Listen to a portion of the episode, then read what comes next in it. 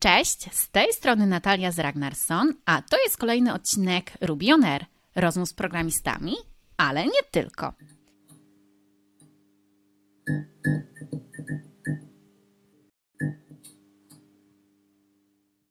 Na początku pozwólcie, że przedstawię dzisiejszego współprowadzącego Tojteusza. Cześć wszystkim.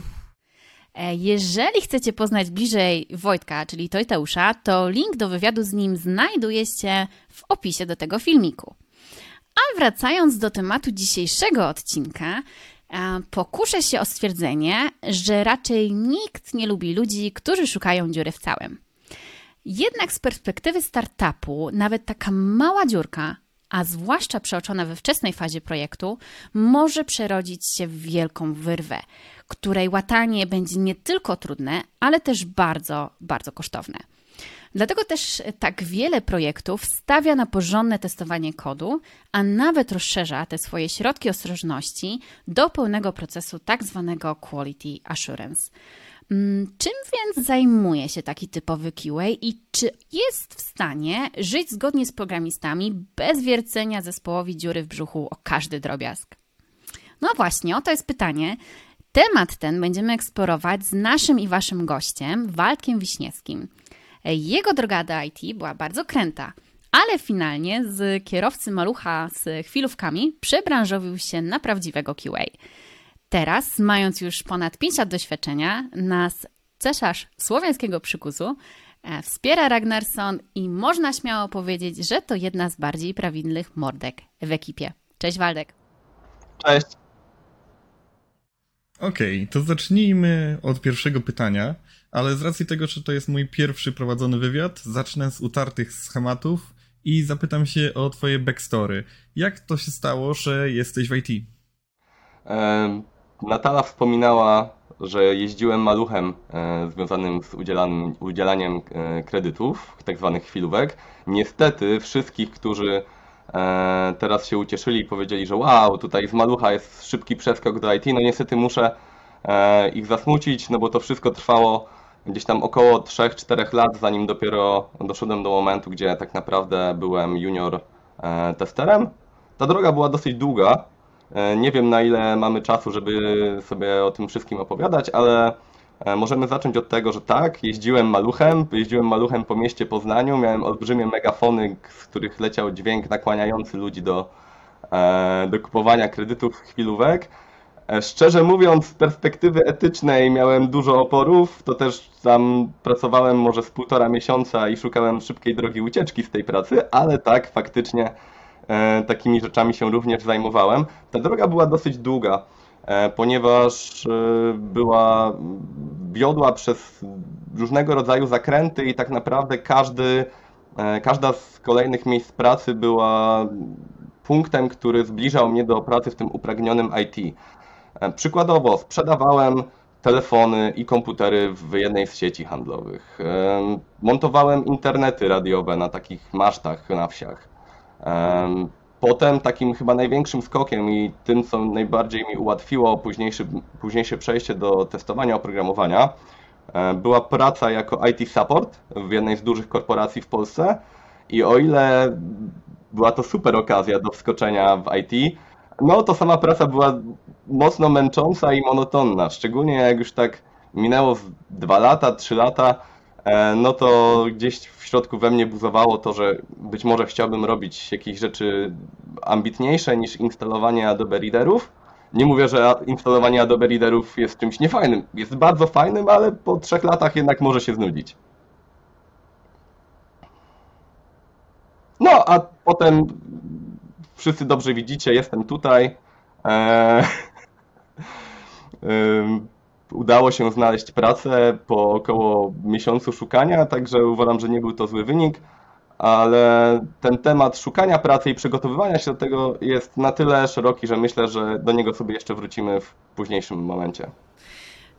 Myślę, że możemy poświęcić chwilkę, żeby to zgłębić, no bo właśnie bardzo mnie ciekawi, jak przebiegało to samo przebranżowienie, w jaki sposób zdobywałeś wiedzę, czy sam, czy korzystałeś z jakichś bootcampów, pomocy, jak to u Ciebie wyglądało?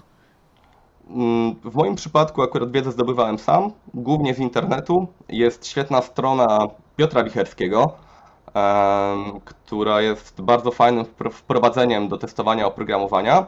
E, Piotrek tam też zrobił takie roadmapy dla ludzi, którzy chcieliby się przebranżowić e, i w zależności od tego, jaki właśnie mamy, jakie mamy tło, jaki mamy nasz background, jakie mamy już umiejętności, z którymi startujemy, możemy sobie wtedy dobrać jakby odpowiednią e, drogę do tego, żeby tym testerem oprogramowania zostać. Tak jak wspominałem, no, ja uczyłem się z internetu sam.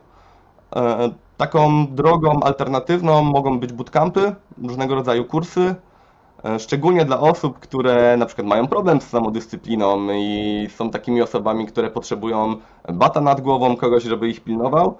Ja akurat takie osoby doskonale rozumiem. E, to wtedy bootcamp jest e, też bardzo dobrym wyborem. Te bootcampy trwają najczęściej kilka miesięcy, myślę, że około trzech. I z doświadczenia wiem, że po tych trzech miesiącach można już spokojnie szukać pracy jako junior, nawet startując od zera, ale wiadomo, że tu wtedy samochodzenie na zajęcia na bootcampie nie będzie wystarczające, trzeba też włożyć dużo energii poza, poza zajęciami, żeby nadgonić te braki, które na pewno się ma. Mówisz, trzy miesiące nauki, ale czy to nadal nie jest za trudne, żeby potem wejść w świat IT? Jak wyglądają rozmowy kwalifikacyjne takich po pierwszych trzech miesiącach nauki na takim bootcampie? Będąc szczerym, kiedy szukaliśmy w jednej z poprzednich firm e, testerów na poziomie juniorskim, bardziej patrzyliśmy na potencjał tych ludzi. Czy widzimy w ich charakterze, w ich osobowości e, te cechy, które na pewno będą przydatne w pracy testera, w pracy QA. E, wychodzę trochę z założenia, że można się nauczyć wszystkiego, co jest techniczne, i tutaj raczej każdy to ogarnie, ale bardzo ciężko będzie się nauczyć być fajnym człowiekiem, być fajnym gościem. To są raczej rzeczy, których się już nie da nauczyć, więc zdecydowanie lepiej jest w mojej opinii zatrudnić kogoś może mniej doświadczonego, może z jakimiś drobnymi brakami e, i w dwa tygodnie, w miesiąc, w trzy miesiące to nadgonić, niż po prostu przestrzelić w ewentualnej rekrutacji i zatrudnić osobę, który, z którą nie będzie tego e, culture fitu, organization fitu, jakkolwiek to, to, to zwać. Mhm. Tu wspominasz o takim fajnym temacie, jeszcze przepraszam Wojtku, że ci się wcięłam, e, do którego na pewno wrócimy o tym culture ficie i jakby jakie są najważniejsze cechy QA po to, żeby współpracowało się dobrze w, zespole. Mm, więc do tego dopiero jeszcze, dopiero jeszcze wrócimy. Mm, to taka tylko zajawka. Oddaję głos Wojtkowi, bo ty chciałeś jeszcze tutaj o coś, o coś dopytać. Tak, chciałem się dopytać, jak był, jakie były twoje pierwsze wrażenia po, po takim bootcampie, jak trafiłeś do pierwszej pracy? E, no właśnie ja w, boot, ja w bootcampie nie brałem udziału. E, aktualnie jestem trenerem na takim bootcampie, więc miałem jakby doświadczenie bootcampowe z drugiej strony trochę. E, niemniej, kiedy mm, szukałem pierwszej pracy jako, jako tester i trafiłem do pierwszej firmy, no to nie ukrywam, no byłem przerażony to jest chyba całkiem naturalne. Poziom odpowiedzialności, którą się ma w tej pracy, no jest względnie wysoki. Tym bardziej, jeżeli się pracuje w jakiejś firmie produktowej, która wytwarza własne oprogramowanie i je potem sprzedaje, która ma na przykład bardzo dużo użytkowników. No to ta odpowiedzialność za ich los y, no mocno mi ciążyła. Spotkała mnie jeszcze taka sytuacja, że po miesiącu, po półtora miesiąca mojej pracy w pierwszej firmie pozostali testerzy w sztuce jednej e, zwolnili się. Znaczy, kolega Michał się wtedy zwolnił, no i zostałem sam. Ja sam półtora miesiąca doświadczenia, no i teraz radź sobie. No, dużo rzeczy pewnie robiłem na oko i na zasadzie wydaje mi się, że tak powinien wyglądać ten proces, więc tak to zróbmy. E, I tak naprawdę z perspektywy czasu uważam, że to doświadczenie było bardzo dobre ponieważ utwierdziło mnie w przekonaniu, że jest to praca, która kieruje się jakąś logiką i zdrowym rozsądkiem. I jeżeli najczęściej robimy coś na zasadzie, według mnie tak będzie dobrze, to faktycznie jest to dobrze. A to ciekawy taki tajnik pracy QA, że mm, no, w sumie można się kierować trochę tym swoim gut feeling, e, tak, zdrowym tak. rozsądkiem. Tak. Najgorszym, najgorszym faktem takim związanym właśnie z pracą testera jest to, że odpowiedź na masę pytań, które się napotyka w pracy testera, to jest to zależy. I tak naprawdę nie można tego ubrać w jakieś takie proste ramy. To zawsze jest y, zależne od kontekstu, więc Jeżeli ktoś lubi zmienne środowisko pracy i, i, i natłok małych tematów, to na pewno praca testera jest, jest dobra dla niego. E, to jest najważniejsza rzecz, której nauczyłam się będąc na doktoracie z ekonomii. E, proszę Państwa, e, zazwyczaj odpowiedź brzmi, to zależy. Także podobno niby zupełnie różne branże, a jednak, a jednak widzisz wnioski te same. Tak. Jest też ten taki, mm, nie pamiętam jak on się dokładnie nazywa, efekt Dunninga-Krugera, chyba coś takiego. E, każdy pewnie kojarzy taki wykres, który na osiach przedstawia spędzony czas nad jakimś zagadnieniem i nasz poziom wiedzy, który uważamy, że mamy. No to zdecydowanie, jak trafiłem do, e, do mojej pierwszej pracy, to się czułem, że o, ja to jestem teraz urabura szef podwóra i co to nie ja i tak dalej. No i pierwszy tydzień był bardzo mocno weryfikujący też. Takie trochę zderzenie z rzeczywistością. No. Oczywiście, oczywiście. Wiadomo. A ja mam takie trochę bardziej e, e, techniczne, dokładne pytanie, no bo w sumie tak sobie rozmawiamy i wymiennie używamy terminu QA z testerem. E, I tutaj muszę się przyznać bez bicia, że nie do końca czuję i wiem, jakie tutaj są różnice. Czym się różni praca jednego od drugiego, tak? Tego QA od typowego testera. Myślę, że część programistów, y, którzy nie mieli okazji pracować z jedną albo z drugą osobą, też y, może mieć problem z rozróżnieniem. Czym w takim razie się charakteryzuje praca QA? Jak byś to opisał? E, no, taki podstawowy, mm, podstawowym zagadnieniem jest to, że to rozróżnienie pomiędzy testera a QA, ono powoduje ból tylnej części ciała u dużej ilości QA-ów, no bo często się tych pojęć używa zamiennie. Aha. E, w praktyce one nie do końca e, oznaczają to samo. W dużym uproszczeniu można by powiedzieć, że QA jest rozwinięciem testera i z tego też wynikają te ewentualne żale, kiedy się tego używa e, wymiennie. W takim najprostszym, gdyby to chcieć ubrać w najprostszą definicję, tester testuje a QA dąży do poprawienia jakości, ale testowanie jest tylko jednym z elementów tej pracy. E, gdyby chcieć to jakoś trochę nieco bardziej rozwinąć, ale nie wchodzić też w zbędne szczegóły, to można by powiedzieć, że tester testuje, a QA testuje i jest trochę PM-em, jest trochę PO, jest trochę Scrum Masterem. Ma taką rolę, która ma wpłynąć mm, na poprawę jakości kodu i na poprawę jakości zespołu, na przykład poprzez namierzanie problemów, jakie ma zespół podczas developmentu. Przykładowo to, że długo e, taski leżą w code review i że code review postępuje wolno, może zostać zauważone przez QA i może zostać zaadresowane jako problem i QA na, na spotkaniach może dążyć do rozwiązania tego. Może chociażby pingować jak Scrum Master.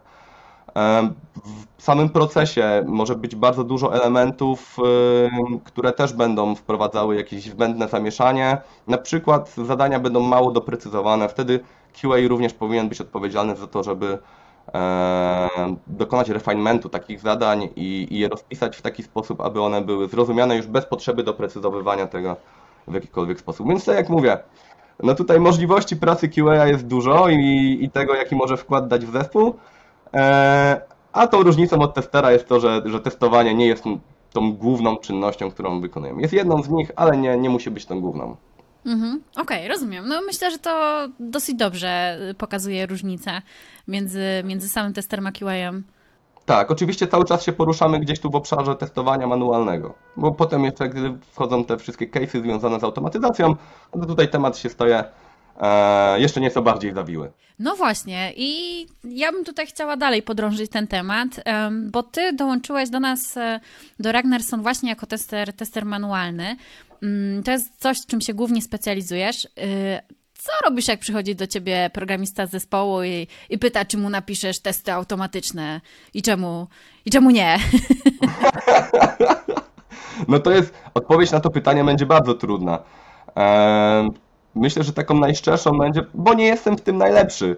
Yy, często jest tak, że to deweloperzy przejmują pisanie testów automatycznych, ponieważ to oni czują się w tym swobodniej. Yy, w sytuacji yy, na przykład software house'u często pracuje się w sposób, w którym nie ma się tylko jednego projektu, ma się tych projektów kilka pisanie testów automatycznych no, jest względnie długotrwałe. To też na przykład dzieląc swój czas na kilka projektów, ciężko jest również pisać automaty. E, kiedy pytałaś się, dlaczego ja nie piszę, nie jestem w tym najlepszy.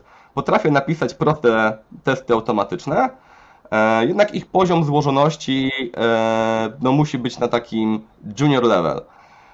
Żeby nie było, że tutaj teraz nie staram się rozwijać. Oczywiście, zważywszy na to, że mam doświadczenie bootcampowe ze strony trenera, no to postanowiłem teraz nabyć to doświadczenie bootcampowe z drugiej strony, czyli ze strony kursanta.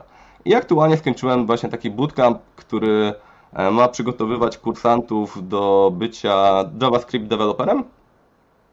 I teraz w takiej autopsji też uważam, że ten bootcamp w mojej aktualnej sytuacji, czyli w takiej, że się chodzi do pracy yy, i potem się ma czas wolny, bardzo ciężko było mi przeznaczyć mój czas wolny na naukę czegoś dodatkowego. To też właśnie podjąłem tę decyzję o bootcampie, no bo potrzebowałem tego bata nad głową w tym momencie i bycia zmuszonym, żeby pojawić się gdzieś na te 8 godzin i, i faktycznie działać. Jasne. W temacie testów automatycznych też yy, trzeba zawsze sobie zadać pytanie, czy testy automatyczne są w tym momencie dla nas koniecznością. Dużo projektów, które powstaje, w mojej opinii, nie potrzebuje testów automatycznych lub potrzebuje je w jakiejś szczątkowej ilości, typu testy automatyczne najbardziej newralgicznych elementów naszej aplikacji. Takim, taką pułapką, w którą często się wchodzi, jest automatyzacja wszystkiego.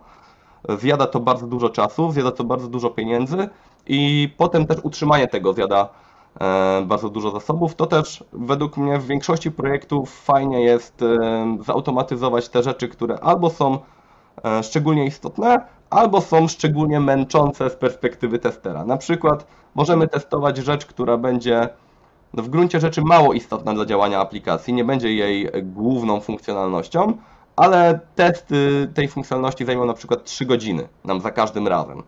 No to to jest to mm, właśnie taki pierwsza rzecz, którą powinniśmy pomyśleć, żeby ją może zautomatyzować jej testy, no bo e, bez sensu jest na to przepalać godziny, jeżeli napisanie testu na przykład będzie właśnie trwało 3 godziny, no to poprzedni, kolejne e, przebiegi testowe będą de facto za darmo. No pomijając kwestię utrzymania.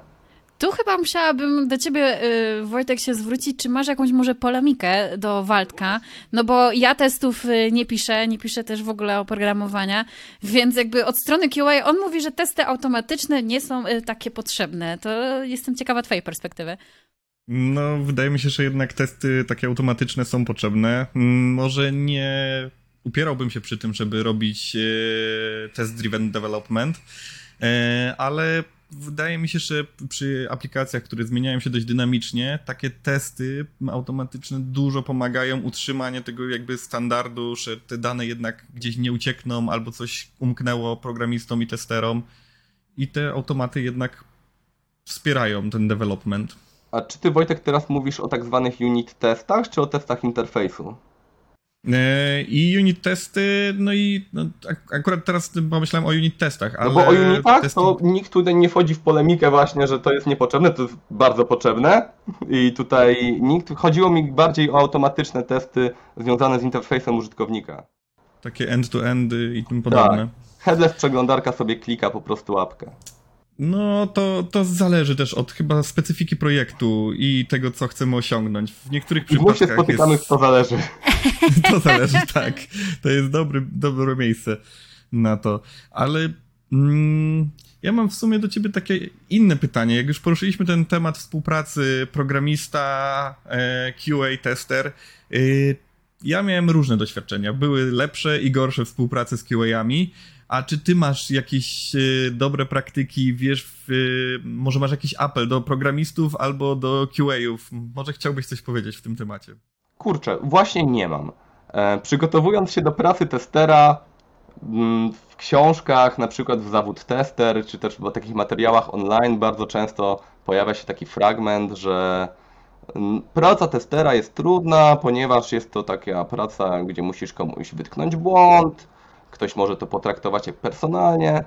No, powiem szczerze, że z, mojej, z mojego doświadczenia no nie miałem żadnej sytuacji stykowej. Raczej yy, miałem to szczęście, że wszędzie, gdzie pracowałem, yy, to wszyscy starali się być ludźmi e, i podchodzić do tego w sposób ludzki, także nie miałem nigdy takiej sytuacji, żeby ktoś e, specjalnie się oburzył. Owszem, czasem były takie sytuacje, że ktoś się nie zgadzał, że coś jest błędem i trzeba się było trochę pokokosić nawzajem, przedstawiać swoje racje, ale takiej sytuacji, mm, w której ktoś byłby, nie wiem, agresywny, czy też właśnie bardzo, bardzo osobiście do, czegoś podchodził, nie miałem.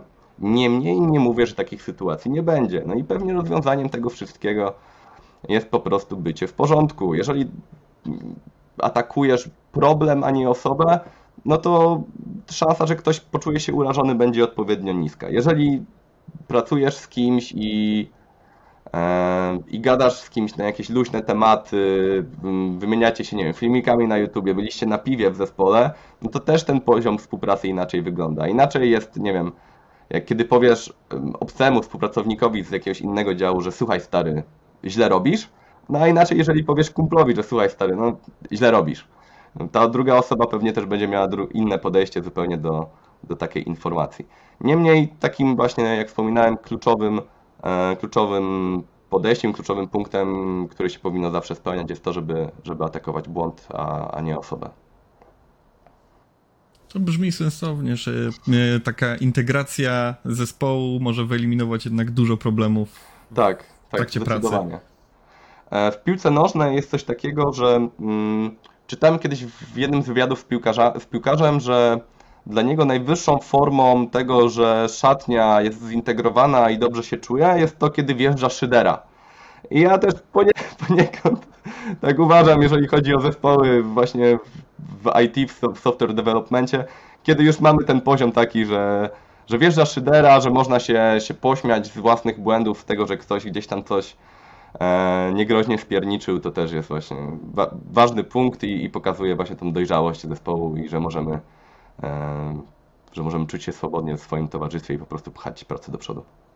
O fajnych rzeczach mówisz, bo jakby oprócz tych ról, które na samym początku wspomniałeś, które musi łączyć w sobie QA, no to jeszcze widać, że y, musi jakby też potrafić trochę nie chcę powiedzieć łagodzić konflikty w zespole, ale na pewno musi umieć ten zespół scalić na tyle, żeby wytykanie tych błędów nie było personalne, tylko właśnie, żeby ta atmosfera w zespole pozwalała na ten y, konstruktywny feedback. Tak, bycie Sławkiem Peszką jest też wa ważną rolą w zespole. Wiedziałam, że to padnie. No tak. No to tak pogadaliśmy sobie o tych rolach, pogadaliśmy sobie o, od strony mm, QA, jak to wygląda.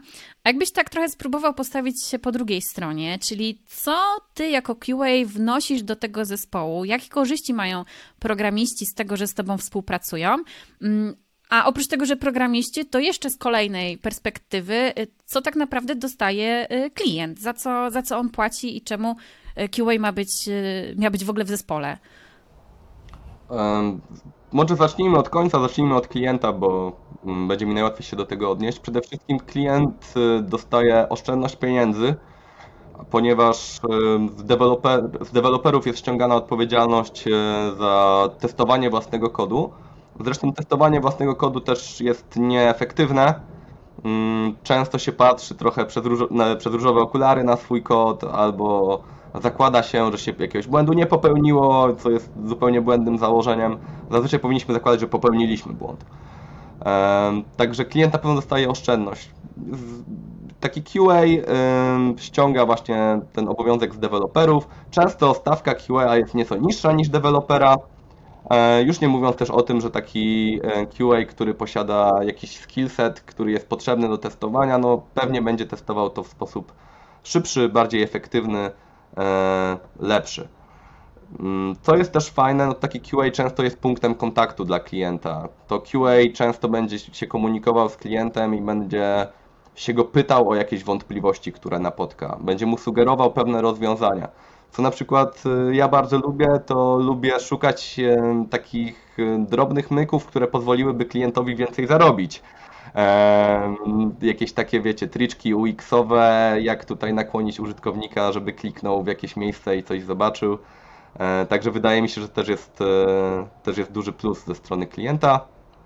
E, proces testowania jest usystematyzowany, wtedy można sobie na bieżąco sprawdzać jego, jego postęp, klient może dostawać raporty. Mm, wiadomo, że w takiej sytuacji, kiedy robimy mm, stronę koty.pl, no to można się zastanowić, no, czy tutaj będzie potrzebne jakieś większe testowanie i, i, i jakieś skupianie się niesamowite na, e, na tym, żeby jakość i, i bezpieczeństwo tego produktu była mm, na najwyższym poziomie. Oczywiście inaczej też to będzie wyglądało, kiedy na przykład jesteśmy jakąś firmą, nie wiem, farmaceutyczną, związana z medycyną, no to tutaj jednak ten nacisk na testowanie będzie, e, będzie dużo większy. A z perspektywy dewelopera, co zyskuje deweloper? Przede wszystkim zyskuje kolegę, z którym może sobie testować swój kod. Czasem jest tak, że kiedy się napisze jakąś funkcjonalność i trzeba ją przetestować, no to na przykład przerzucanie się między kontami, e, między oknami przeglądarek, no jest bardzo skomplikowane i łatwiej byłoby coś sprawdzić w dwie osoby. I wtedy, kiedy mm, ma się takiego testera pod ręką, testuje się to w dwie osoby na bardzo wczesnym etapie developmentu, powiedzmy jeszcze, że przed code review, no to ten feedback o błędach, o rzeczach, które można byłoby poprawić lub zrobić inaczej, dostajesz możliwie szybko. E, tak samo, kiedy deweloper zabiera się do pracy, startuje z pracą nad jakimś taskiem, no to jeżeli on został e, zrefinementowany, zrefinowany, nie wiem jak to powiedzieć poprawnie, przez e, QA, no to ten task już powinien nie pozostawiać żadnych niedopowiedzeń. Powinien być jasny i klarowny i wszelkie pułapki, które mogą czekać na dewelopera, powinny być już opisane w tym, w tym zadaniu.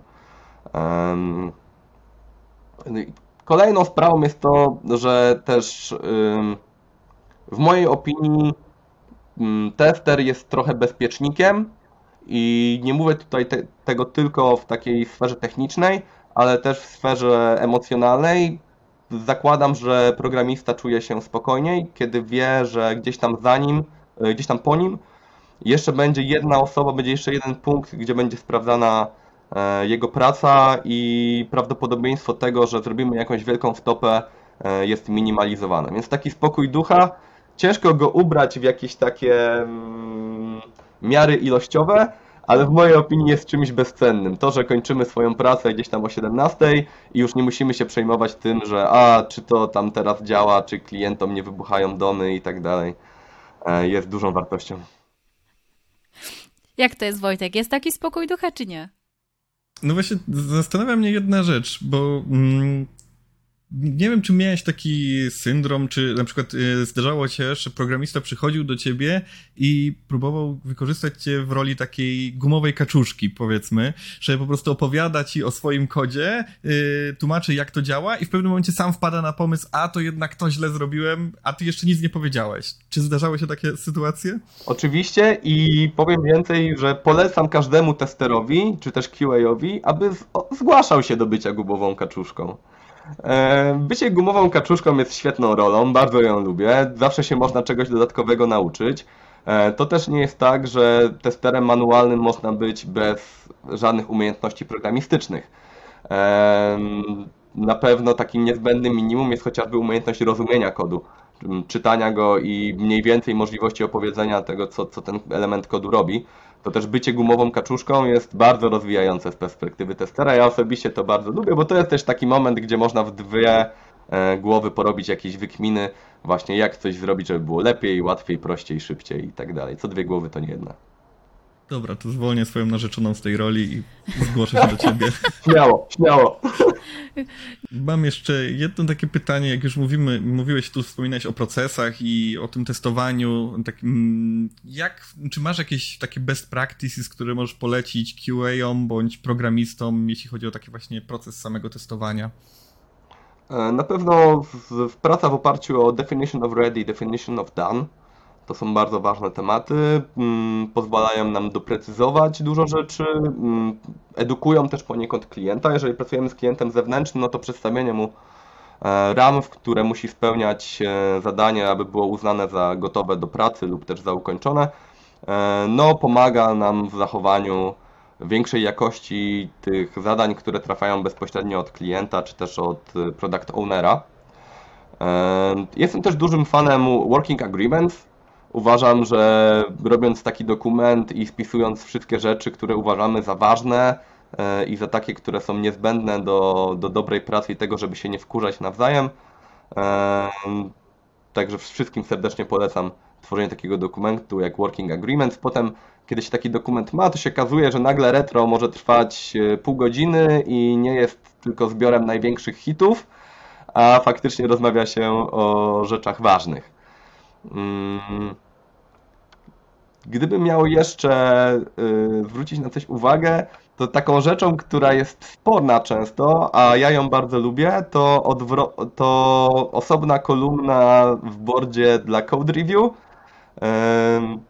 Ona testerowi pozwala zobaczyć, kiedy może się spodziewać nowych zadań i jakie to zadania będą, a zarazem w sytuacji, kiedy mamy problem z tym, żeby to code review było robione terminowo i szybko, no to jest zawsze takim trochę batem nad głową, prawda? Wchodzisz na borda i widzisz listę tych rzeczy, które trzeba jeszcze przejrzeć, e, aby, aby one trafiły mm, do QA.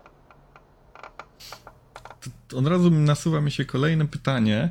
E, może nie jest tak bezpośrednio powiązane, ale My, przynajmniej jak w świecie frontendu, e, w którym żyję, technologia i całe procesy zmieniają się tak bardzo dynamicznie. A jak to wygląda w przypadku QA? Bo sądzę, że to też się, z racji tego, że się mm, zmienia to po stronie programistów, to po stronie QA też się to zmienia. Tak, Wojtek, super pytanie. E, aktualnie ciężko mi mówić, jakie są trendy. Mogę powiedzieć, jakie ja mam odczucia na ten temat. E, I według mnie odchodzi się od właśnie roli testera jako takiego e, wrzodu na tyłku zespołu, tego gościa, który męczy bułę, e, czepia się o jakieś tam rzeczy, które są na piątym planie, o jakieś minimalne rozjazdy graficzne, a idzie się bardziej w stronę tego testera zwinnego, czyli ok, wiemy, że to może nie jest idealne, zróbmy to, to, to i to, bo to jest konieczne, a resztą, resztą zajmiemy się w przyszłości, dajmy już klientowi jakąś, e, jakąś wartość. To według mnie właśnie gdzieś e, ta ewolucja testera idzie właśnie w tym kierunku, aby być jak najbardziej zwinnym, żeby mieć szybką przerzutność tematów, żeby ten okres bezwładności zadania był możliwie jak najkrótszy. Przykładowo z, aktualnym zespołem dogadaliśmy się, że mm, zazwyczaj zadanie takie typowe nie powinno być w kolejce dłużej niż 24 godziny. Czyli ja mam gdzieś 24 godziny na, na przetestowanie tego i uważam, że to jest yy, droga, którą teraz będzie szło większość firm, na pewno większość software house'ów. Yy, pierwsza firma, w której pracowałem, to tak naprawdę pracowała w Waterfallu, który był taki, wiecie, przypudrowany na, na jakąś metodykę zwinną. Z perspektywy testera pracowało się świetnie, naprawdę.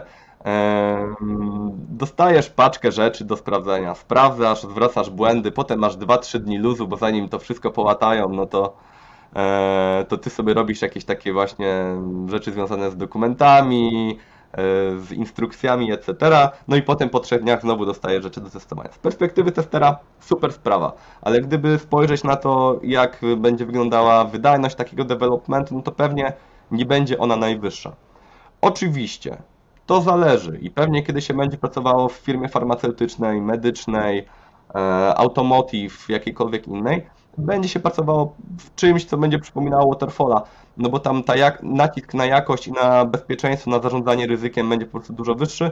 Niemniej w tej sytuacji software house'owej myślę, że właśnie tak zwany modern testing będzie tym odpowiednim e, podejściem.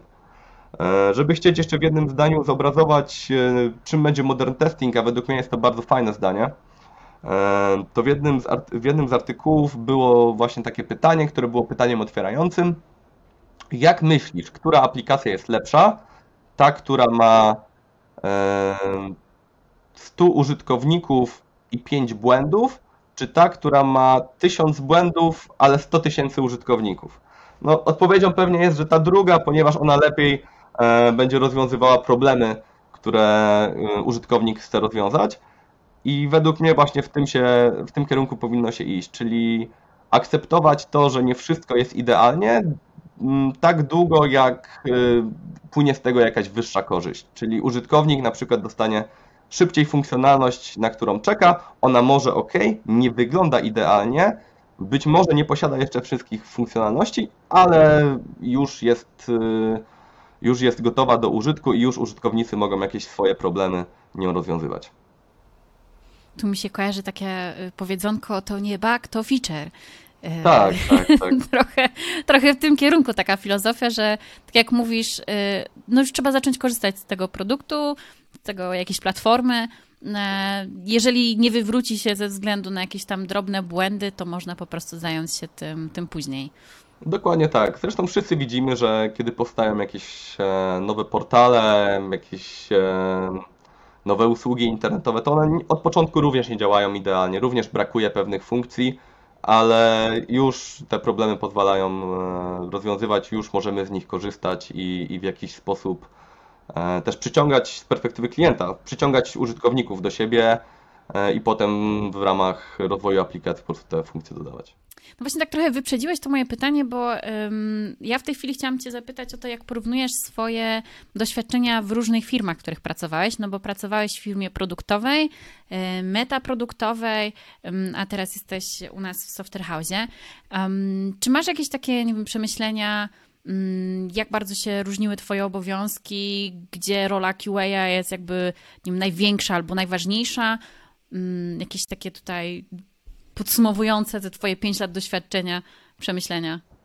Okej, okay, z pewnością z perspektywy osoby, która szuka e, pracy jako tester lub jako QA, no to trzeba się zastanowić, jakie mamy cechy charakteru i jak możemy je wykorzystać w, w każdej z tych rodzajów e, firm, do której możemy trafić. Przykładowo, według mnie, osoba, która jest bardziej spok o spokojnym usposobieniu, taka wiecie, mm, stylu księgowego, skrupulatna, mm, może nie do końca ekstrawertyczna, może właśnie bardziej introwertyczna, gdzieś w mojej opinii lepiej się odnajdzie w firmie produktowej. Tam faktycznie będzie nacisk na to, żeby było wszystko od linijki, wszystko pospisywane, dokumentacja, instrukcje, e, etc., raporty. Według mnie taka osoba się tam dobrze odnajdzie i będzie mogła swoje te cechy przekuć na swoje największe atuty.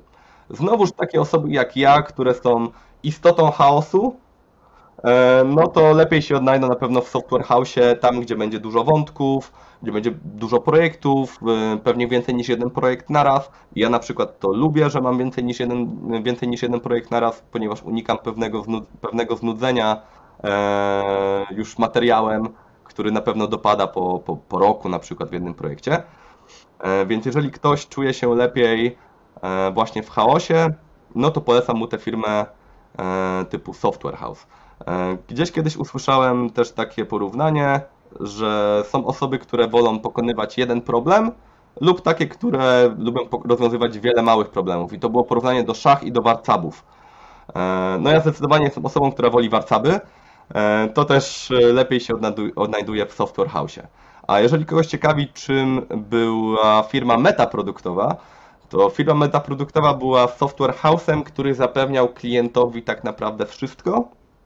E, klient mógł przyjść z pomysłem, a ta firma e, dawała mu wszystko dookoła. Designerów, product ownera, PM-a, etc., etc. Cały zespół, który dowoził mu de facto ten jego, e, ten jego pomysł na biznes. I to też było bardzo fajne. To było bardzo rozwojowe. Na pewno liznąłem dużo zagadnień, takich, które nie były stricte ani programistyczne, ani testerskie, były może trochę bardziej biznesowe i, i to też było bardzo fajne, bardzo fajne zajęcie. Myślę, że coś z tego mi zostało e, do teraz. Mhm.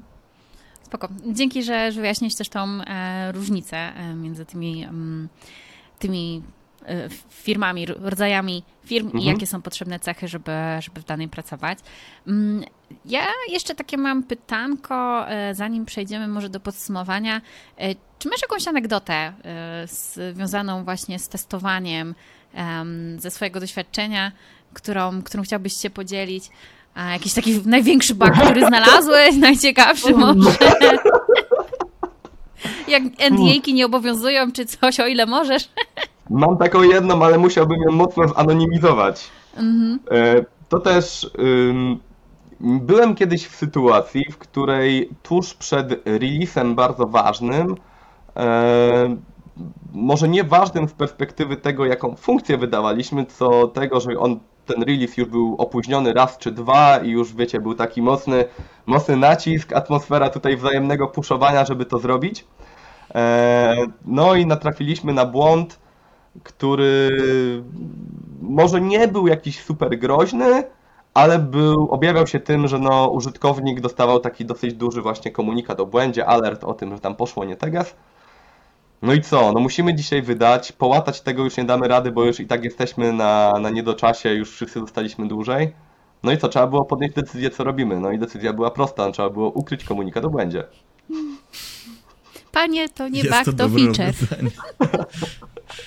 Także no, usunęliśmy komunikat o błędzie i, i potem po przerwie świątecznej, zaraz jak wróciliśmy do pracy, to, to pierwsze co robiliśmy, to fiksowaliśmy, e, fiksowaliśmy ten błąd. Mm, w jednej z firm też miałem dosyć nietypowy błąd i to był przykład tego, że nie zawsze idzie pomyśleć o wszystkim. E, pracowałem w firmie, która tworzyła systemy zarządzania inteligentnymi domami i klient nam strasznie, strasznie marudził, że nie działa. Nie tyle klient y, z takiej perspektywy biznesowej, co, co użytkownik, powiedzmy. No. Jeden z użytkowników bardzo, bardzo narzekał, że mu tam nie działa połowa funkcji z tego systemu. My nie do końca wiedzieliśmy, co może być tego przyczyną, próbowaliśmy jak się tego dojść, nie mogliśmy. E, co się okazało, połowa systemu, właśnie tych funkcji, która nie działała, działała w oparciu o system dnia i nocy, zmierzchu i zachodu słońca, a ten klient mieszkał w Norwegii, gdzieś przy kole podbiegunowym i po prostu nie miał zachodu słońca przez dwa miesiące ani wschodu, więc, więc mu tam to wszystko nie działało. No i właśnie musieliśmy potem zmienić e, te funkcje tak, żeby żeby ci ludzie, którzy mieszkają gdzieś w jakichś nietypowych strefach klimatycznych, czy też właśnie na kole podbiegunowym, również mogli z tego korzystać.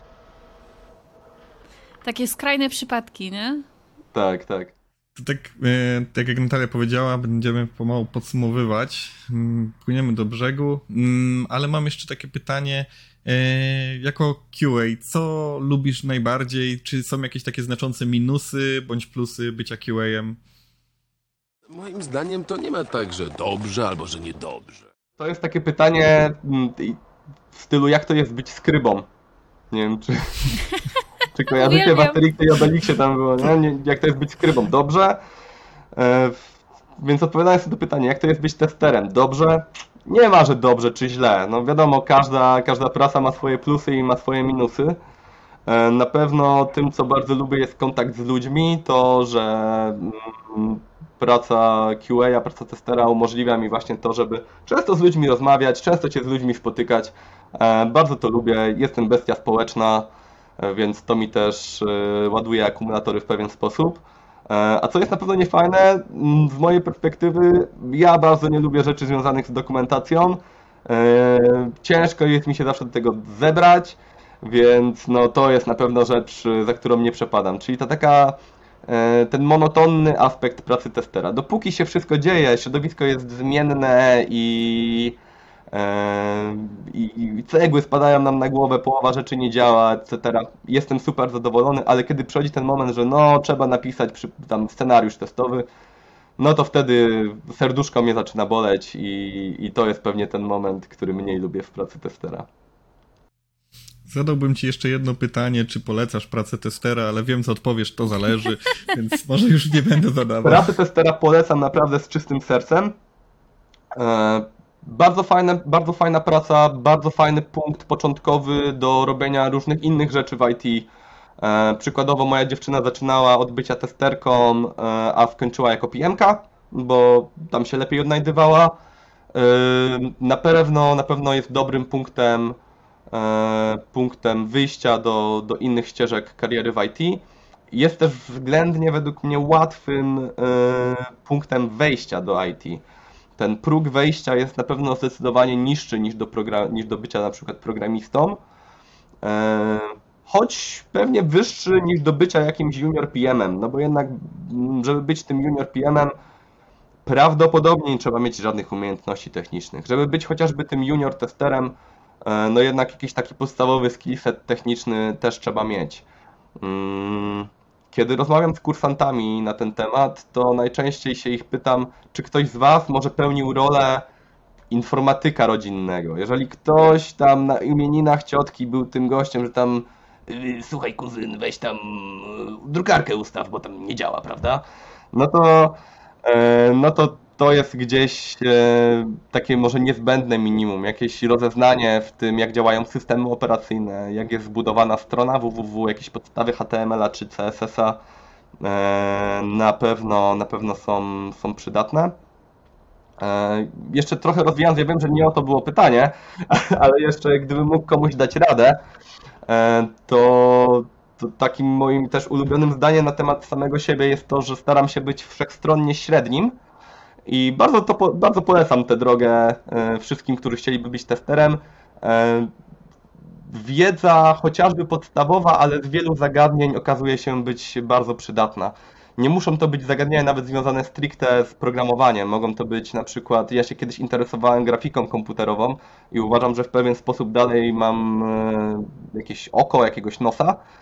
E, jakieś takie podstawy, nie wiem, ktoś studiował psychologię i na przykład to się może okazać, że będzie super ważne w pracy testera. Także takie bycie wszechstro- wszechstronnie średnim, posiadanie e, podstawowej wiedzy z szerokiego zakresu uważam, że jest bardzo, bardzo fajną drogą.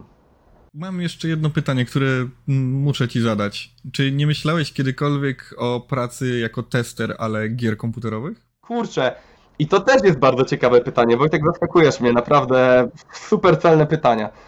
E, oczywiście, że, że rozważałem pracę jako tester komputerowy, gier komputerowych. Mało zawodów może się wydawać przyjemniejsze niż tester gier komputerowych. Niestety, w praktyce jest to symulator znoju 2022, gdyby chcieć to ubrać w jakiś taki ge- metaforę gamingową. Nie no, tragedia, tragedia. E, Mi to bardzo nie siadło, ponieważ no, obrzydzało mi to granie w gry. Naprawdę, ym, dopóki ktoś ma takie y, drobną złośliwość, taką cechę bycia chochlikiem i lubi na przykład grać w gry i tak po złości grać w gry, typu, well, zobaczmy, czy tam można wejść w ścianę, y, to jest to fajne, ale jest to fajne tak długo, jak nie robisz tego zarobkowo i nie musisz tego robić przez 8 godzin. E, Ja, żeby sprawdzić, jak się pracuje jako tester gier, zgłaszałem się na mm, grupie Indie Developers Polska do tego, że będę testował gry niezależne. No i dopóki tak, dopóki nie musiałem tego robić, a po prostu robiłem to z jakiejś własnej minimalnej złośliwości, to było to świetne, ale kiedy musiałeś już być rozliczany z tego, czy przez te 8 godzin będziesz, nie wiem, właśnie chodził twarzą do ściany swoją postacią, albo czy 75 razy klikniesz w zwiększenie i zmniejszenie głośności, to staje się to niestety uciążliwe. Z tego co wiem, też w Polsce niestety nie jest to super dobrze płatny zawód i zdecydowanie z takiej perspektywy ekonomicznej opłaca się być e, jednak testerem rzeczy nieco poważniejszych niż gry komputerowe, chociaż dla mnie osobiście gry komputerowe są super poważną sprawą. Trochę tutaj ten rynek y, się popsuł przez to, że po prostu y, robi się beta testy i gracze sami testują, a już się nie płaci pr- prawdziwym testerom, którzy to lepiej testowali, a gracze po prostu sobie grają, a nie testują. Tak, tak, tak. No, jakość gier na pewno mm, nieco zmalała, nie? Pewnie wynika to z tego, że też i złożoność gier mocno wzrosła. E, niemniej tak, patrząc na to, ile teraz jest wydawanych patchy do gier, e, jak bardzo popularny jest rozwój w formie early accessu, no to tak, tak. E, gdzieś tam odpowiedzialność za jakość została przepchnięta na, na użytkowników. No, Cyberpunk jest chyba tego idealnym przykładem. Dokładnie. Byłem, byłem strasznie podjarany Cyberpunkiem. Naprawdę wsiadłem do hype trainu, jechałem nim aż do wysiadki, kupiłem preorder, kupiłem masę merchu z tym. E, No i skończyło się tak, że zostały mi na przykład czapki i spodnie, gra gdzieś rozgrzebana w połowie i brak absolutnej chęci do, do kontynuowania e, tej gry. No cóż zrobić. A Wojtek, jak już tak gadamy o grach, bo w końcu na jakiś ciekawy temat weszliśmy, jaka jest twoja ulubiona gra? Moja ulubiona gra? Oj, trudne pytanie. Eee, ale ja to chyba bym się skusił grom typu Factorio, Satisfactory, takie, co może, może to śmiesznie brzmieć, ale tam jest jednak trochę takiego logicznego, programistycznego myślenia i gdzieś w tym utknąłem. No rozumiem, doskonale rozumiem. E, A Natalia, jaka jest twoja ulubiona gra?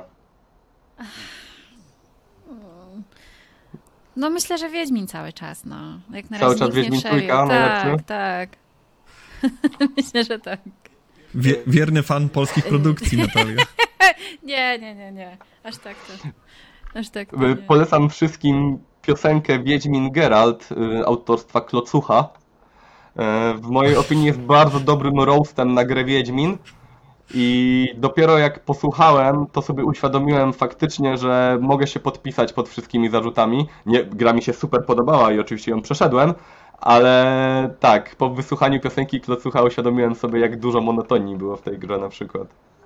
No, w którym RPG-u nie ma To przynieść, sprawdzę. wynieść, pozamiataj, no. No, w Disco Elysium nie ma. Ale to jest taka gra, że ciężar. Ciężar i to trzeba mieć naprawdę wieczór, żeby przysiąść i, i się skupić. No, tam Eee, ciężkie tematy też- są poruszane. Tak. Gadamy sobie o grach, wszyscy jesteśmy w świecie IT, a ja mam ostatnie pytanie, które podkradam Wojtkowi. Ostatnie pytanie jako taką y, kończącą puentę. Gdyby nie było internetu, komputerów, czym byś się, Wojte, y, czym byś się Waldek zajmował? Co byś w życiu robił? To jest bardzo ciężkie pytanie. E, I możemy na nie odpowiedzieć jakby na dwa różne sposoby. Pewnie gdyby, z jednej strony pewnie gdyby nie było internetu, to być może zostałbym na osiedlu. Nie wiem jak to, jak to dobrze ubrać w słowa. E, Na pewno uważam, że internet był czymś, co bardzo mocno mnie ukształtowało, co pozwoliło na jakby rozwijanie swoich zainteresowań i na nawiązywanie znajomości nie tylko z osobami takimi, które są w Twojej okolicy, jak i również z takimi, które po prostu mają podobne pasje lub też podobne poczucie humoru do Ciebie. Także internet na pewno bardzo mocno mnie ukształtował i pewnie mm, dużo zalet, które mam, mam dzięki internetowi, jak i dużo wad, które mam, mam dzięki internetowi. Na przykład y, problemy ze skupieniem uwagi uważam, że internet pogłębił i forma, w jakiej podawane są treści w internecie. I to pewnie większość z Was się, się z tym zgodzi, że jesteśmy teraz przyzwyczajeni do tego, że to okno e, fokusu jest bardzo krótkie, nie? Jest na zasadzie filmiku na YouTubie. E, A co bym robił? Ciężko mi powiedzieć. Być może pracowałbym nadal w handlu, bo bardzo lubiłem rozmowy z ludźmi i, i te wszystkie takie półpsychologiczne aspekty pracy w handlu. Myślę też, że byłem w tym względnie dobry, więc pewnie gdzieś bym się rozwijał dalej w tym kierunku. Czyli chodziłbyś i sprzedawał garki.